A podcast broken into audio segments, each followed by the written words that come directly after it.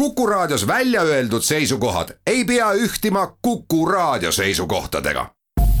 Te kuulate Kuku Raadiot.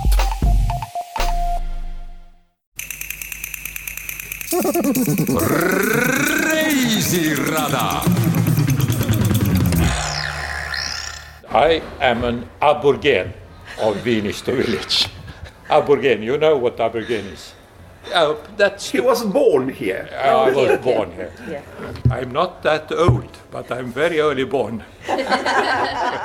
nii algab meie vestlus Jaan Manitskiga valgusküllases Viinistu restoranis. tere tulemast saatesse Reisirada, kus vaatame ringi hoogsalt arenenud Viinistu kunstisadamas. külastame üht huvitavat isikut Laitse lossis, vaatame, miks tasub sõita Aegviitu ja peatuda Kiiul tutvume sinisilmsete koertega ja ühe ökoehituse meistriteosega. saatejuht Jaak Arin tervitab teid reisile Harjumaal.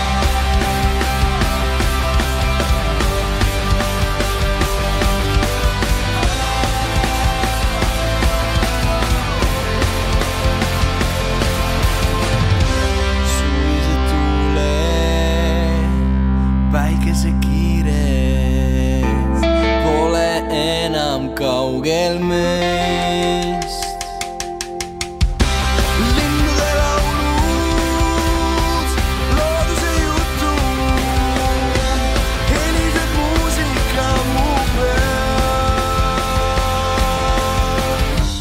kuna nagu Jaan Manitski ütleb, sündis ta vara, siis lahkus ta Eestist juba tuhande üheksasaja neljakümne kolmandal aastal ning Lennart Meri kutsel saabus alaliselt tagasi tuhande üheksasaja üheksakümne teisel.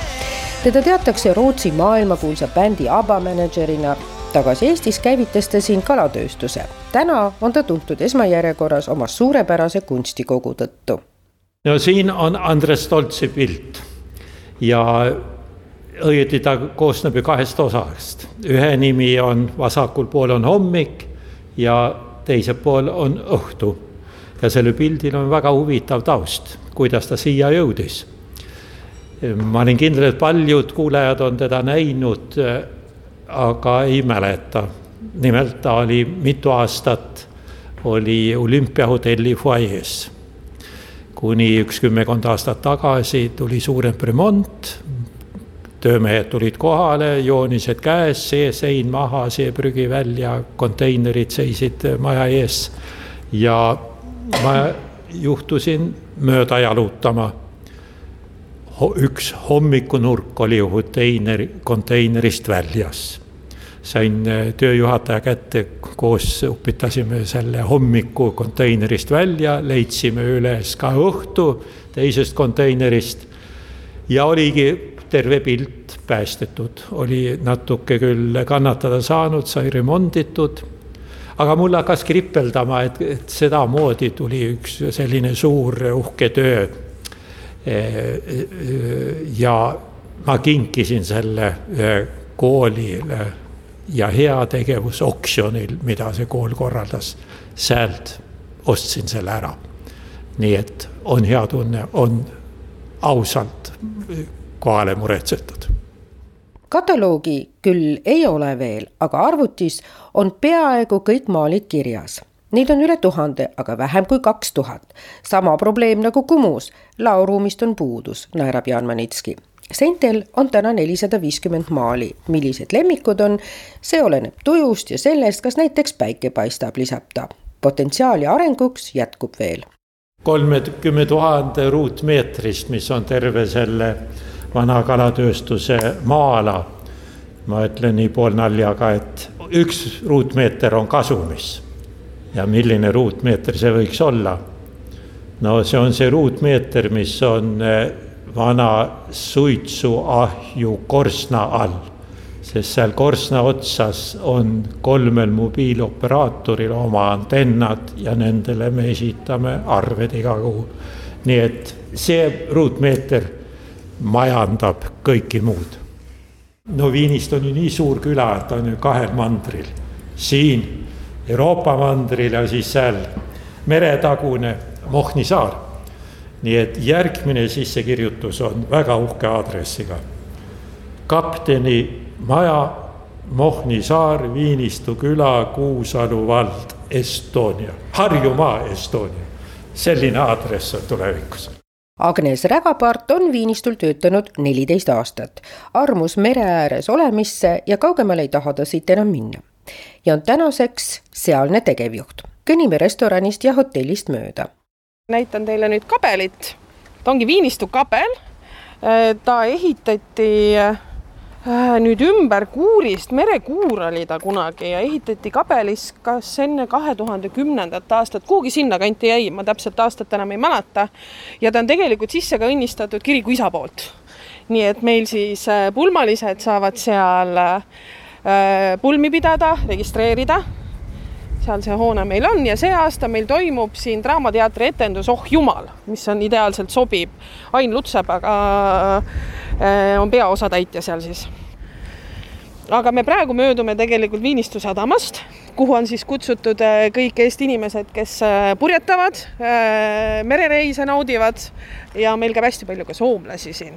see aasta on väga populaarne, inimesed ja soomlased ja kõik kasutavad ikkagi, et saavad tulla väikesadamastesse, et et neile väga meeldib ja see sadamat on ehitatud ka mitu korda.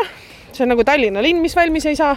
no nüüd on põhimõtteliselt tegelikult valmis, aga kas see oli kahe tuhande kümnenda, üheksanda aasta torm, mis lõhkus muuli niimoodi ära, et tuli põhimõtteliselt otsast peale uuesti ehitama hakata. ja nüüd on betooni valatud, nüüd ta enam õnneks kuhugi enam ei liigu, sest meil tuleb otse, kui me räägime põhja ja idatuulest, nad tulevad otse meile peale ja see tähendab ikka meeletut äh, laine tugevust ja vee tugevust. meie suundume nüüd ühe muinasjutulise lossi juurde. elas kord kuningas koos kolme pojaga kaugel maal, mitme mäe ja mere taga. kuningas saatis kõik kolm suurde ilma elutarkust koguma. pojad läksid igaüks ise suunas. noorem käis ära nuustakul ja revalis, tagasiteel jäi keerdus kadaka lähedal magama. ärkas öösel üles nägi imelõsut täis taevast ning otsustas. siia mina jään, siin on unistamiseks kõige õigem paik ja lasi sinnasamma lossi ehitada, kus kõik olid teretulnud. Teelised, kaupmehed, käsitöölised ja linnavurled. aeg möödus, suured segadused ja sõjad käisid üle maa. valitsejad vahetusid, kuningapaeg oli ammu manalateed läinud. Laitse lossis hakkasid tasapisi kivid seinast kukkuma, palk kõdunema siis juhtus lossist mööda sattuma üks õuenarr koos oma ustava prouaga. kaks armunut, kes otsisid samuti kohta unistamiseks. Esimesest pilgust armusid nad lossi niiviisi ära, et otsustasid paigaliseks hakata ja jutt on legendis arhitektuuri ja disaini õppinud Sulo Muldjast ja tema tollasest abikaasast. noh, ilmselgelt armunud ja otsisime endale, palun mitte naerma hakata, et otsisime endale kodu ja noh, eks siis selles olukorras inimene ju ei mõtle väga selgelt, et äh, ja noh, nii ta, nii ta juhtus. ega me siis, äh, ega me ei teadnud, äh, mida me siin veel tahame teha, et, et see, no otsisimegi kodu, jah. ja sealt see kuidagi alguse sai, et, et et alguses oli mingi kasutusvaldus viiekümne aastane ja, ja siis mingil hetkel saime ta ikkagi ära ostetud, noh, tol ajal ei olnud ju noh, ega täna ka tegelikult mõisaid ikka võiks vabalt osta mingi ühe euro eest, sest äh, seal ei olnud ju üldse küsimus mitte rahas, et äh, et kui sa mingi maakodu ostad, siis sa järgmisel päeval võid seal sees elama hakata, aga kui sa mõisa ostad, siis sa pead kõigepealt mingi mitusada tuhat või miljon sinna sisse panema, et, et saaks voodisse äh, heita Sulo oli uue Eesti aja algusaastal üks neid ettevõtlikke, kes hakkas ühel heal päeval lihtsalt panka tegema. olid pöörased ajad, kus igaühest võis saada pankur ja ajad, mis enam tagasi ei tule. nagu ka kunagise maja omaniku üksküljeaeg, mis on seotud Laitse mõrvamüsteeriumiga, mida loob Raili Kann. Sulo nägemuste järgi. Peategelane Voldemar on üks küll, kes selle ehitas tuhat kaheksasada üheksakümmend kaks, ta oli ikka sihuke päris äh, värvikas kuju Eestis, et äh, tema oli ju, noh, alguses ta oli äh, sõjaväelise taustaga, aga, aga korralik playboy.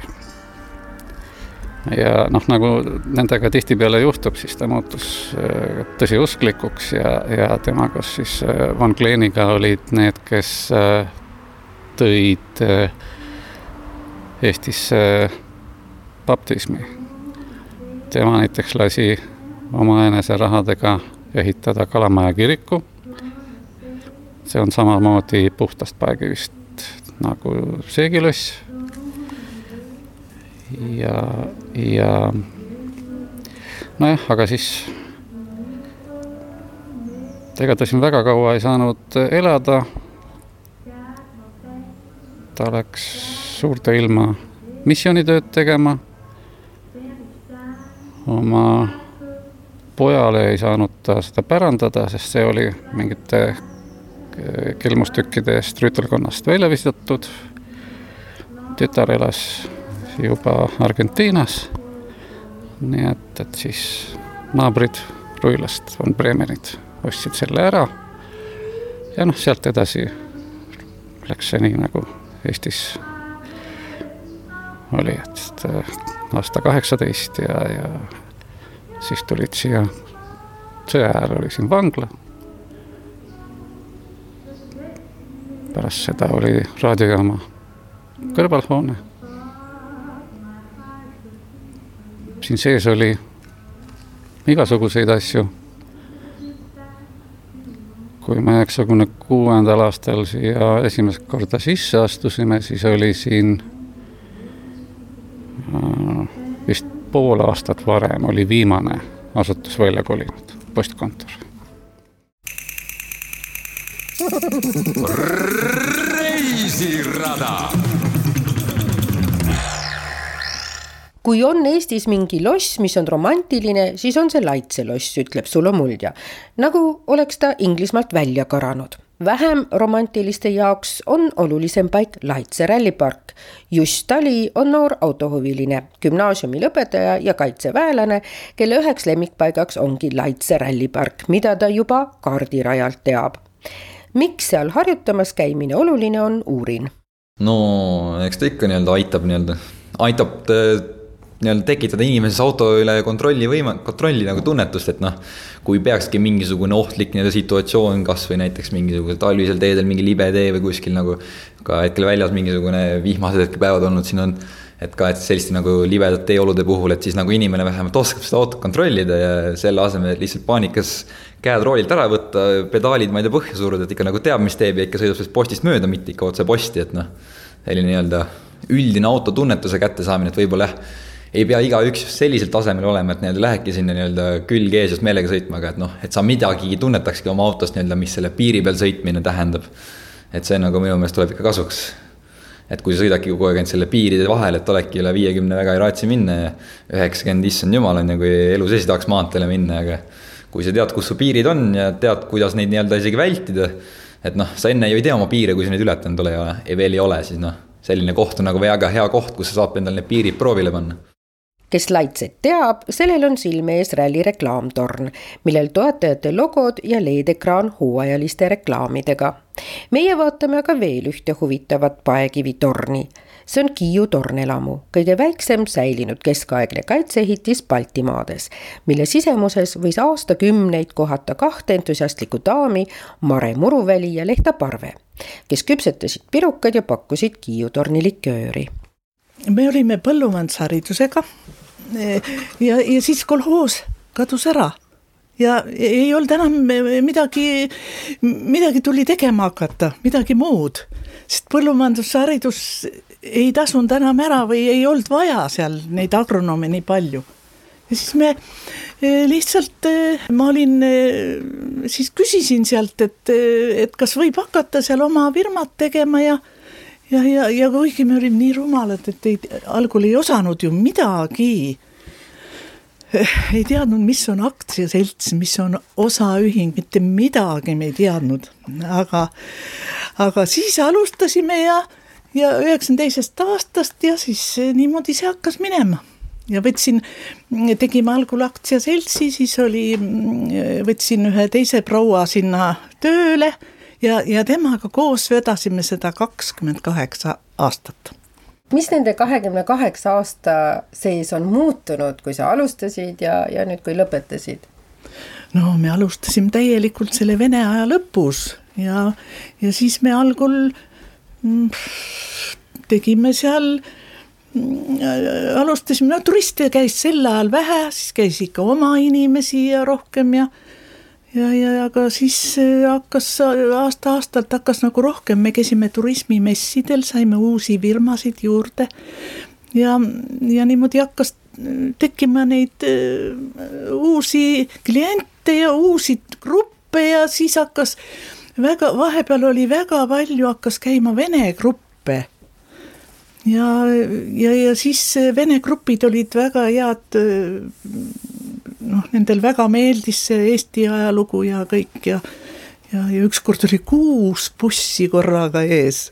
nii et see oli siis ja, ja, ja ükskord oli siis, kui see Joška ära viidi sealt Tõnismäelt ja siis üks kirjutas sinna raamatusse, see on ka siin raamatus kuskil, et A za pamjatnik vseh ubju et ühesõnaga nad olid eh, nagu pahased selle pärast. Ja siis hakkas nagu vähemaks jääma ka üldse, turism hakkas vähemaks, Vene poolt hakkas turism vähemaks jääma ja aga siis, eh, siis hakkas teisi käima ja seal, seal käis üle, üle maailma käis niisuguseid väikseid gruppe, kahe inimese ja kuue inimese ja ja, ja need äh, giidid olid meil tuttavad juba ja niimoodi, ega me siis pärast enam ei käinudki üldse messidel ega midagi, muudkui, muudkui käisid ja, ja meil oli siis oma liköör, Kiiu torn. ja siis me seda likööri siis seal reklaamisime ja siis osteti seda kaasa ja maitsti ja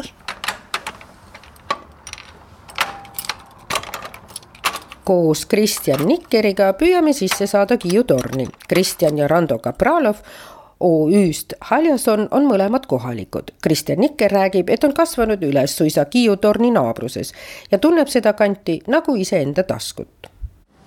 no igavusest pigem igavusest sõbraga mõtlesime, et oleme ise jõlkunud siin terve lapsepõlve, et tundus nagu keegi väga ei tahtnud ka ja siis me täiesti lihtsalt ah hea küll, proovime, vaatame. ja mis emotsiooni see siis tekitas, kui oli, et nüüd no, siis, hakkate tegutsema? pidi tegutsema hakkama seal vetse asju remontima, seda küürima, puhastama, no eks seal oli motivatsioonipuudus ka vahepeal, aga no tegime ühesõnaga vetsud asjad korda, küürisime ta puhtaks, tegime ta lahti, see oli nagu valla, valla selline soov, et noh, tehke ta lihtsalt lahti, et siin ei ole vaja hakata mingit nii-öelda diskot ja virvarri tegema ja pakuti ka mm. Kiiu torni likööri. liköör on põhiline, likööri me oleme see aasta vist müünud, ma kujutan ette, väga palju või? mida tähendab väga palju? no ikka kastide-kastide viisi, et selles mõttes, et kui on üks neljakümnene grupp, siis kõik tahavad ikka saada seda Kiiu tornist Kiiu torni likööri. ja noh, soomlased näiteks, nemad kohe teavad, et nad tulevadki siia selle järgi, et see on neil selfie ja liköör ja äge nad isegi ei, teinekord ei viitsi teda üles jalutada, et saaks likööri kätte. torn peaks olema esimene värav turistile, kes saabub Kuusalu valda, ütleb Kristjan. siit saab ta teada majutuse, toitlustuse, matkamise ning kõige muu vajaliku kohta. kohv, kook, võileib ja väike pits Kiiu torni likööri tuleb igal juhul, lubab Kristjan torni kõrval on kaunilt restaureeritud hallides toonides mõisahoone, tänane vallavalitsus sellesama Hiiu mõisa omanik oli ka suguvõsa kuulsamaid mehi, krahv Hans Heinrich von Tiesenhausen. keisri kammerhärra ja Paul Esimese õukonna ülemana oli ta suurema osa oma elust Peterburis, kus abiellus õuetamm Katariina von Stackenbergiga. kuna Vene kuningakotta kositi tihtipeale printsesse Saksa vürstiriikidest, olid Balti sakslased kodusema tunde loomiseks Peterburis teretulnud ning liigusid karjääriredelil kiiresti nii ka Hans Heinrich, kes küll seal suurepärasema nime sai, Ivan Andreevitš Tiesenhausen.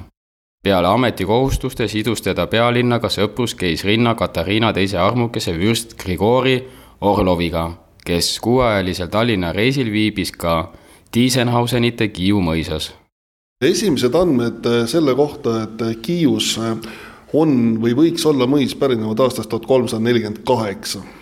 Me räägime kirjalikest andmetest ja, ja siis on teada selline fakt, et külas, mille nimi oli Kiiu, toimus Harju rüütelkonna seisuste päev see tähendab seda, et äh, rüütlid üle terve Harjumaa ja Harjumaa oli mõnevõrra suurem kui tänapäevases mõttes, ka Raplamaa oli Harjumaa osa, tulid siis äh, oma kaaskondlastega siia Kiidu ja pidasid siin nõu ja tegid äh, kõiki muid toiminguid, mida siis üllatel meestel oli tavaks teha.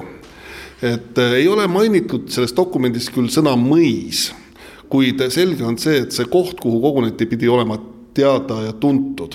et kui Rüütlile näiteks, kes teisel Harjumaa otsas elas, öeldi, et saame Kiius kokku, siis ütles ja, ja ma tean, kus see koht on. järelikult tänapäevases mõttes pidi siin olema mingisugune infrastruktuur. tuhat nelisada kaheksateist on kirjutatud, et Kiiu mõis vahetas omanikku et see on siis esimene selge kirjalik märk, et äh, mõis vahetas omanikku ja siin räägitakse juba mõisast nii et äh, tuhat kolmsada nelikümmend kaheksa tõenäoliselt, tuhat nelisada kaheksateist täiesti kindlalt on äh, mõis selle koha peal olnud. loomulikult see mõis ei olnud selline, nagu me tänapäeval seda näeme. ehk siis äh, noh, tüüpiliselt ilmselt oli tegu siis mõningate puittoonetega, oli tegu siis maaüksustega, mida müüdi. aga mõis jah, sellisel kujul, nagu me täna seda näeme, et see hoonekuju on aastast tuhat üheksasada kümme küll kaardide peal, näiteks Rootsi aegselt kaardilt äh, tuhat kuussada üheksakümmend neli me näeme, et mõis asus sama koha peal, kui ta tänagi on. ja noh, tähtsaks orientiiriks on Kiiu torn, mille järgi saab tegelikult positsioneerida ka siis nii-öelda mõisa asukoha vallavanem Urmas Kirtsi on hariduselt loomaarst, neliteist aastat on ta olnud Kuusalu vallavanem, ajaloohuviline ja kokku pannud ka raamatu Kiiu lugu. oma nime kohta teab ta rääkida nii on üks lugu, räägib kellestki, kellestki Kirtševskist, kes äh, siis, äh, siis kuskil kuueteistkümnendal sajandil tuli siia natuke sõdima ja siis takerdus põllepaeltesse ja, ja nii ta siia vist jäigi, et. Piirkonna omapäraga on see, et siin on üsna palju neid inimesi, kelle juured jooksevad aastasadu läbi nende talukohtade, need järeltulijad elavad endiselt, endiselt siin ja, ja tegelikult äh, sellistel inimestel on ka ütleme, üsna suur niisugune noh, läbi vereliini tulenev vastutus selle piirkonna arendamise eest. et jah, inimesed on siin väga-väga toredad, ägedad inimesed, selle üle olen uhke kui Riigikantselei uue Põllumajandus- ja Toiduameti peadirektori konkursi välja kuulutas, saadi teada, et tarvis on tulevikukujundajat, tulemuste saavutajat ja tööõnne hoidjat. selle rolli on täna Urmas Kirtsi enda kanda võtnud Andrus Vaarik on öelnud, et Anija mõis on kõige ilusamalt räämas maamõis tänaseks mõis enam nii räämas polegi, sest suvel lõppesid renoveerimistööd. nime sai Anija mõis väikeselt Hanijõelt ja haned on täna ka Anija valla vapil. härrastemaja läänetiivas tegutseb juba praegu romantiline Anija mõisa kohvik. porgandi kohvi idee tuli meil üldsegi sellest, et, ähm, et siinne mõisahärra Äh, mõisahärra von Pfaal äh, oli armastanud porgandikohvi ja siis me hakkasime uurima, et kuidas seda nagu äh, teha, kuidas seda, kas seda kuskilt on lihtsalt saada ja, ja sellise proovimis, katsetus, eksitusmeetodil jõudsime, jõudsime siis selleni, et porgand tuleb röstida, me kuivatame teda, riivime õhukeseks, kuivatame siis me jahvatame ta peeneks ja siis tema selleks põhikomponendiks või nagu põhjaks on viljakohv või sigurikohv, siin hetkel on viljakohv. ja pakume teda äh, vahukoorega, kus on siis natukene kardemoni ja porgandipuru peal. ja see on meie siis selline eri, erijook siin mõisakohvikus, Anija mõisakohvikus. ja mina tulin siia Anija mõisa viis pool aastat tagasi töötasin enne Tallinnas ja tegelikult tulin siia paart projekti kirjutama. aga tänaseks ma juba pean vaatama, et kuidas saavad kardinapuud ja kuidas äh, saavad puud, asenduspuud istutatud. nii et see maht on läinud jah, äh, suuremaks, kui tegelikult algul ma siia tulin, et, et ma olen äh, projekti kirjutanud juba alates kahe tuhande teisest aastast. aga siis äh, nüüd jah, on see projekti kirjutamine läinud nii suureks, et, et sellest on juba kujunenud nagu niisugune elu. kui mina Anija mõisa tulin, siis ma natuke pelgasin niisuguseid vanu ja, ja väsinud hooneid ja kujutasin ette, et seal on halb aura ja, aga kui ma tulin siis mõisa, leppisin siin kokku oma kontoris, et kui te tahate, et ma siin olen, siis teeme nii, et mingit nalja siin ei hakka olema, mingit hirmutamisi ei hakka olema. seega ma tunnen ennast siin igal pool ülihästi, et ei ole lemmikpaika, see ongi minu lemmikpaik. kogu see neliteist hektarit, mis meil on. ja selle ümber on ju ka suur mõisapark ja meil on kaks parki, meil on äh, Prantsuse park, mis avati seitsmeteistkümne, kahe tuhande seitsmeteistkümnendal aastal, äh, kus KIK-i abiga saime ka restaureeritud kõik äh, teed, nii nagu vanasti võis olla, istutati üheksa tuhat lilletaime ja taga on veel üheksa hektariline Inglise park, kus on siis äh, selline tunne, et sa oled kaugel ära metsas. on niisugune loodus, mida me tahamegi säilitada, maha kukkunud puud, liblikad, ussikesed, mutukad, et kuna minu enda haridus on keskkond, siis ma hästi palju pööran tähelepanu siis keskkonnale. reisirada ökoehituse meistriteoseks on Voose päikesekodu, mis on esimene suurem põhuplaatidest ehitatud avalik hoone Eestis ja ka Skandinaavia riikides nii suurt avalikku teist hoonet ei ole. seega on Eesti sellega jälle maailmas esirinnas. kui ma esimest korda kuulsin, et Tanel siin Voosel põhust maja ehitab, siis mul kangastus silmade ette see muinasjutt kolmest põrsakesest, vihjas avakõnes Anija vallavanem Tanel Talvet ise räägib selle kohta, et Germo Harroga mõtlesid nad, et teeme ikka midagi ägedat. see eh, koht, kus me siis praegu oleme, Voose külas, oli kunagi muistse Eesti ajal kolme põhimaanteede ristumiskoht. et see tee, mida te näete siin akna taga, kus te siin sisse keerasite just, see oli Tallinn-Tartu maantee omal ajal nii et vahest, kui siin inimesed äh, nurisevad, et Tallinna ja Tartu vahet täna on halb käia ja kitsas tee, siis on põnev võib-olla vaadata, mismoodi muistse Eesti ajal see asi käis. ja see tee läheb siit Tallinn-Tartu maantee läbi Jägala jõe, just, just nimelt läbi jõe, mitte üle jõe, sest silda ei olnud, koolme kohast käidi hobuste ja vankritega ja Tallinn-Peterburi maantee samamoodi on siit äh, läbi läinud siis, nii et me oleme sellise suure teede ristumiskoha äh, juures praegu ja tänu sellele ristumiskohale kunagi siis ammustel aegadel ehitati siia kõrtsihoone, noh, kus siis sai jalga puhata ja, ja hobuseid vahetada ja nii edasi, nagu ikka see asi käis. ja see Voose kõrts ajaloolaste hinnangul on Eesti kõige vanem kõrtsihoone üldse. See põhuplaat on hästi looduslik ja, ja selline tore materjal, millest hooneid ehitada, et on tervislik, et me ei ole siin kasutanud ühtegi keemilist ainet, see põhuplaat on kokku pressitud kuum, suure kuumuse ja, ja surve käes ja ongi kõik, et mingit äh, PVA-d ei ole sisse valatud siia, nii et hästi selline looduslik ja tervislik ehitusmaterjal. ja see hall mass, mida seal näha võib praegu, see on siis tselluvill, mis on purustatud vana paber, nii et jällegi selline taaskasutuse ja, ja loodussäästu äh, idee siin on ka soojustuse mõttes meil läbi käinud. kui Germo USA-s käis, tutvuski ta põhuplaadiga. Eestis hakkas seda rohkem uurima aga plaat ise tuleb täna Tšehhist. hiirte jaoks ta ka huvi ei paku, ütleb Germo.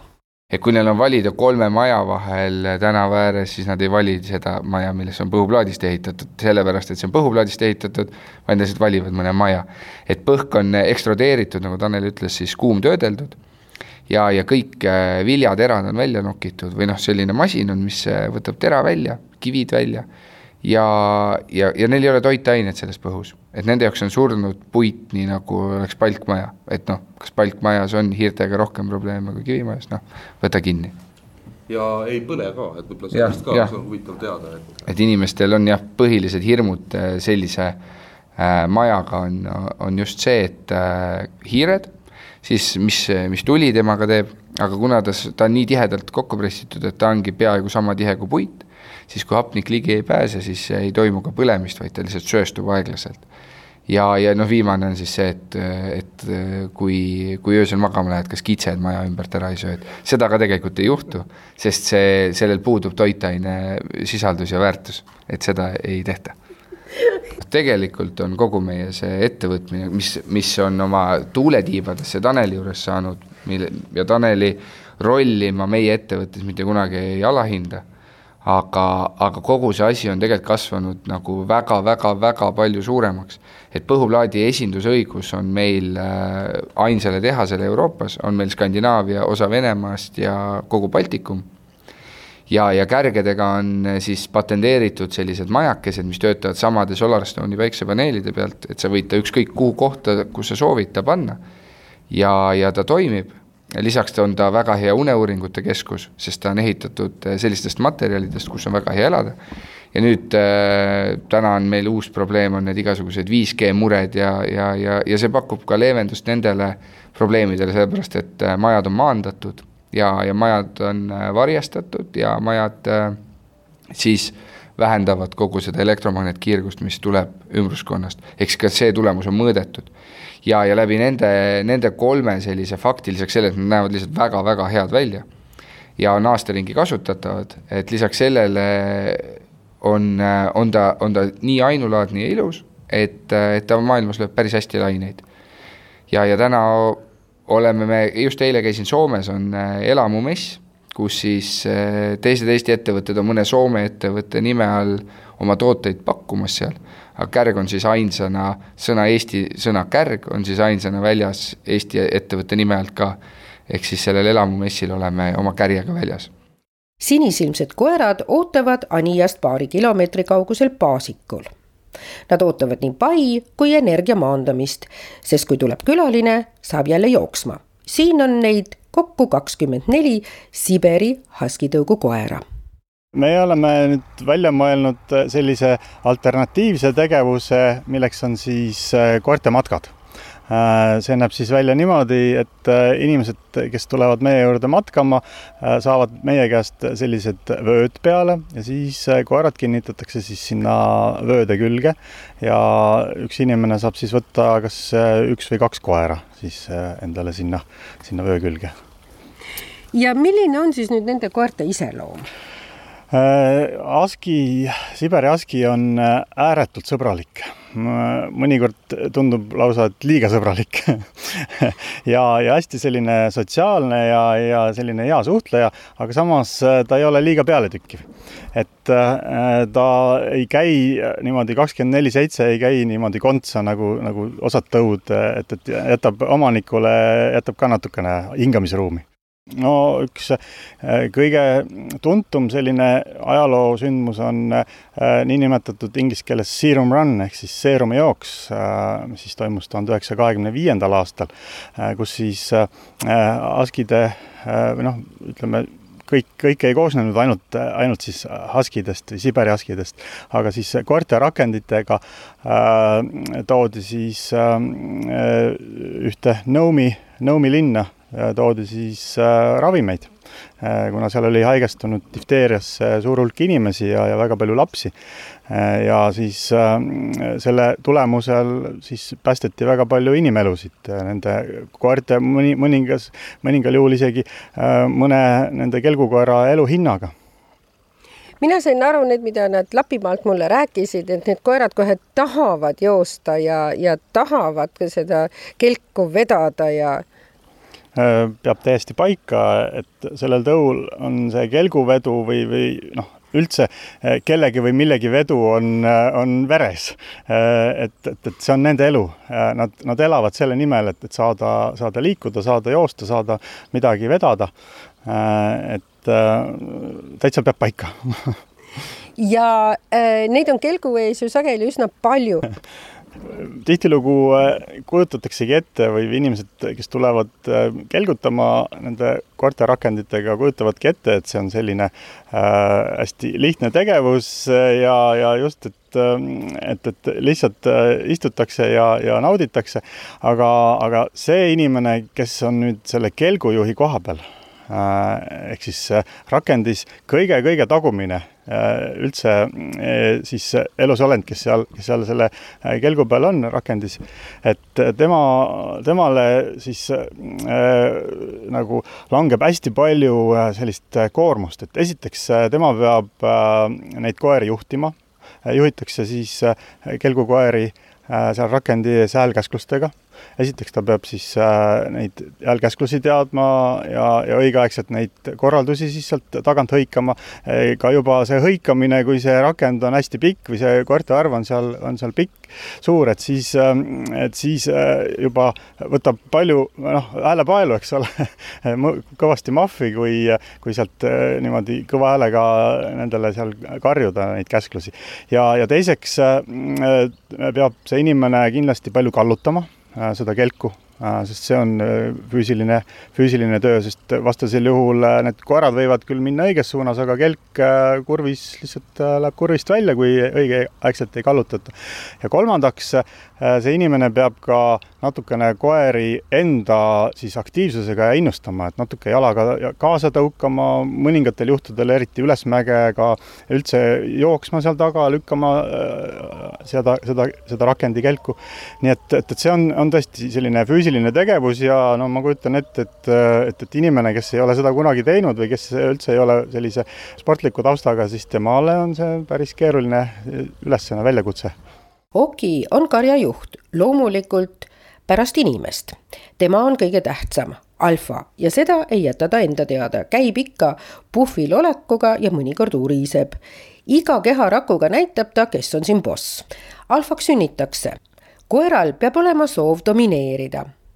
Huvitav on aga just haskide ulgumislugu, sest ainukeseks looduslikuks vaenlaseks on neil hundid, keda nad sellega petta püüavad kuna kelgukoeri on ju korraga rohkem kui üks või kaks, et, et seal kelgu ees on neid ju äh, sinna või noh, kelgu ette on sinna neid rohkem vaja, et siis äh, võivadki nad siis äh, päris võimsa, võimsa koorina siis ulguda ja, ja siis sel teel neid hunte siis eksiteele viia, pannes neid arvama, et seal on mingisugune suur ja võimas hundikari ja, ja selle, sellega hoitakse siis äh, nii-öelda hunte eemal ja kui need hundid lõpuks siis riskivad sinna vaatama minna, siis need koerad on ammu oma teed läinud ja, ja noh, selline, selline kerge pettus äh,. aga, aga samas, samas äh, väga, väga kaval, kaval, kaval pettus. miks nad äh, väga vähe hauguvad, äh, on jällegi huntidega seotud, et äh, noh, selline üksiku, eriti üksiku koera haukumine on hundikarjale sisuliselt nagu kutse õhtusöögile et koerad ulguma saada, tuleb õige toon kätte saada, nagu koorijuht, kes õige tooni ette näitab. Ja kelgukoerad lähtuvad siis inimesest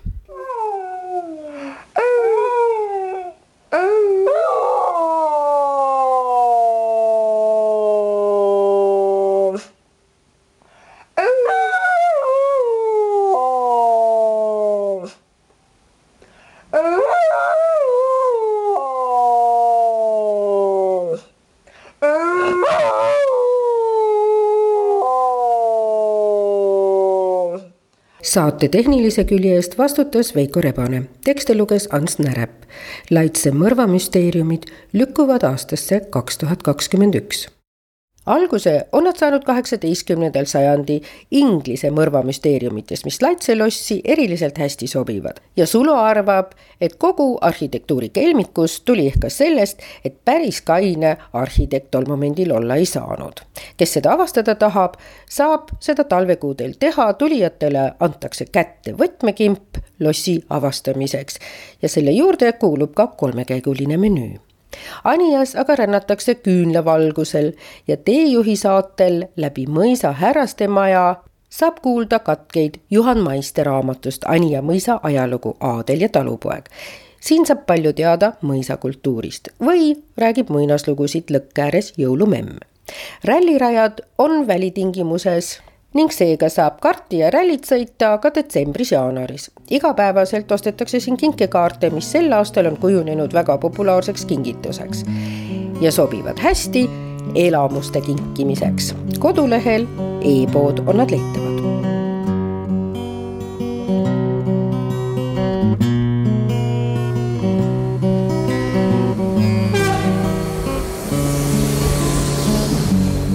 Projekti rahastab Euroopa Liidu Euroopa Regionaalarengu Fond meetmest piirkondlikud algatused tööhõive ja ettevõtlikkuse edendamiseks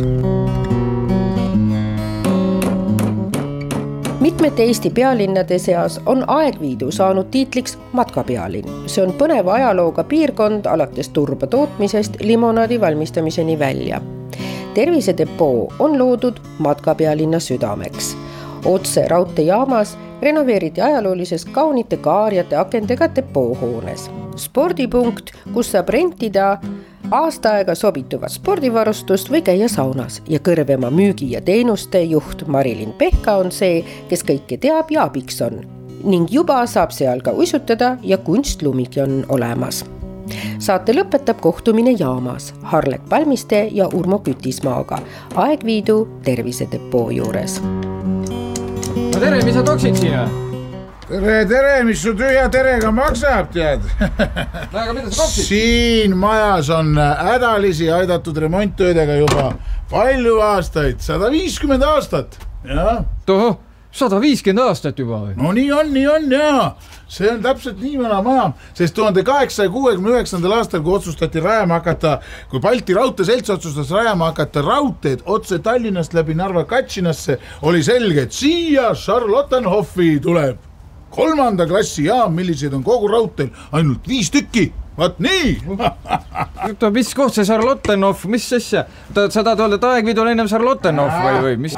sellega on nii, et Aegviidu on esimest korda mainitud juba aastal tuhat viissada kakskümmend üheksa, siis oli selle koha nimi Aeg no kes kurat seda teab, kuidas seda hääldatakse, aga no midagi sellist. ja, ja siis järgmine kord oli tuhande seitsmesaja üheksakümne kuuendal aastal, kui Mellini Liivimaa atlasel oli kenasti kirjas Aegvid, vaat nii aga see Charlottenhof, saksapärane nimi, see tuleb sellest, et Lehtse parun Höttingen Hüünele, kellele need, need tollased maad siin kuulusid, temal on imekaunis tütar Charlotte ja vot tema järgi nimetatigi siis see eh, jahiloss siin Charlottenhofiks, ei noh, see Höttingen Hüüne, see võttis üldse tublisti ette. juba tuhande kaheksasaja kahekümnendal aastal rajas ta siia hobupostijaama, noh, see on tänase päevani alles, sinna saab vihmavarju minna, kui vajadus peaks olema.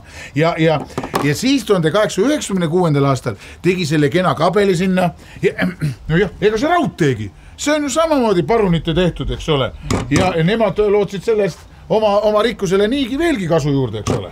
no aga kus see Aegviidu nimi siis nüüd siis tuli siis, et kui ennem Charlottenhof ja niimoodi? ja, ja, vaat sellega on üks põnev lugu, rahvasuu teab rääkida, et see tuleb sellest, et tee-ehitajad, kes siin siia oma teega jõudsid, jäid siin kangesti viivitama. ehk siis eh, Piibe maantee, mis siit samuti Aegviidust läbi läheb, see valmis juba tuhande seitsme, seitsmeteistkümnendal sajandil, hakkas sealt Tallinna poolt tulema ja tuli kohe sirge sirge noolena, aga vaat siin ei saanud meistrimehed enam kuidagi edasi ja tiirat-taarat vaevaliselt, kurviliselt läks see tee edasi. no kuule, neist võime neist ju aru saada, siin Aegviidu mändide ilus ongi ju hea ja mõnus olla. seal Aegviidu mändide ilus, kus sinavad järvede veed on alati olla nii ilus, kes talvel ja suvisel ööl. seal talvel on härmatanud hanged ja põlised ärmatanud puu ning suuskadel noori ja hangeid viib edasi vallatlev hõi, hõi, Aegviidu on kaunis koht nii suvel kui ka süda talvel. rõõm valdab seal igaüht, nii päeval kui tähtede valgel, kes korra seal viibinud, see sellest on joobunud, sest Aegviidu on kaunis koht, kus õnnelik olla saab võid ja õhtul, kui taevas on tähed, käib kaugele lõõtspilli hääl. sa üksinda kõnnima lähed, ühte võluvat tütarlast näed ja saatusest määratud on nõnda, et ühine on teie tee, siis leiate peajutu lõnga ja ümber on soe suveöö. Aegviidu on kaunis koht nii suvel kui ka süda talvel.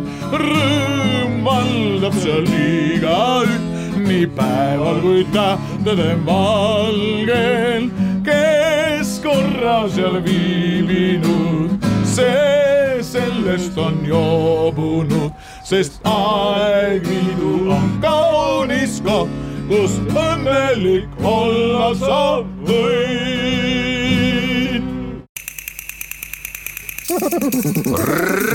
reisirada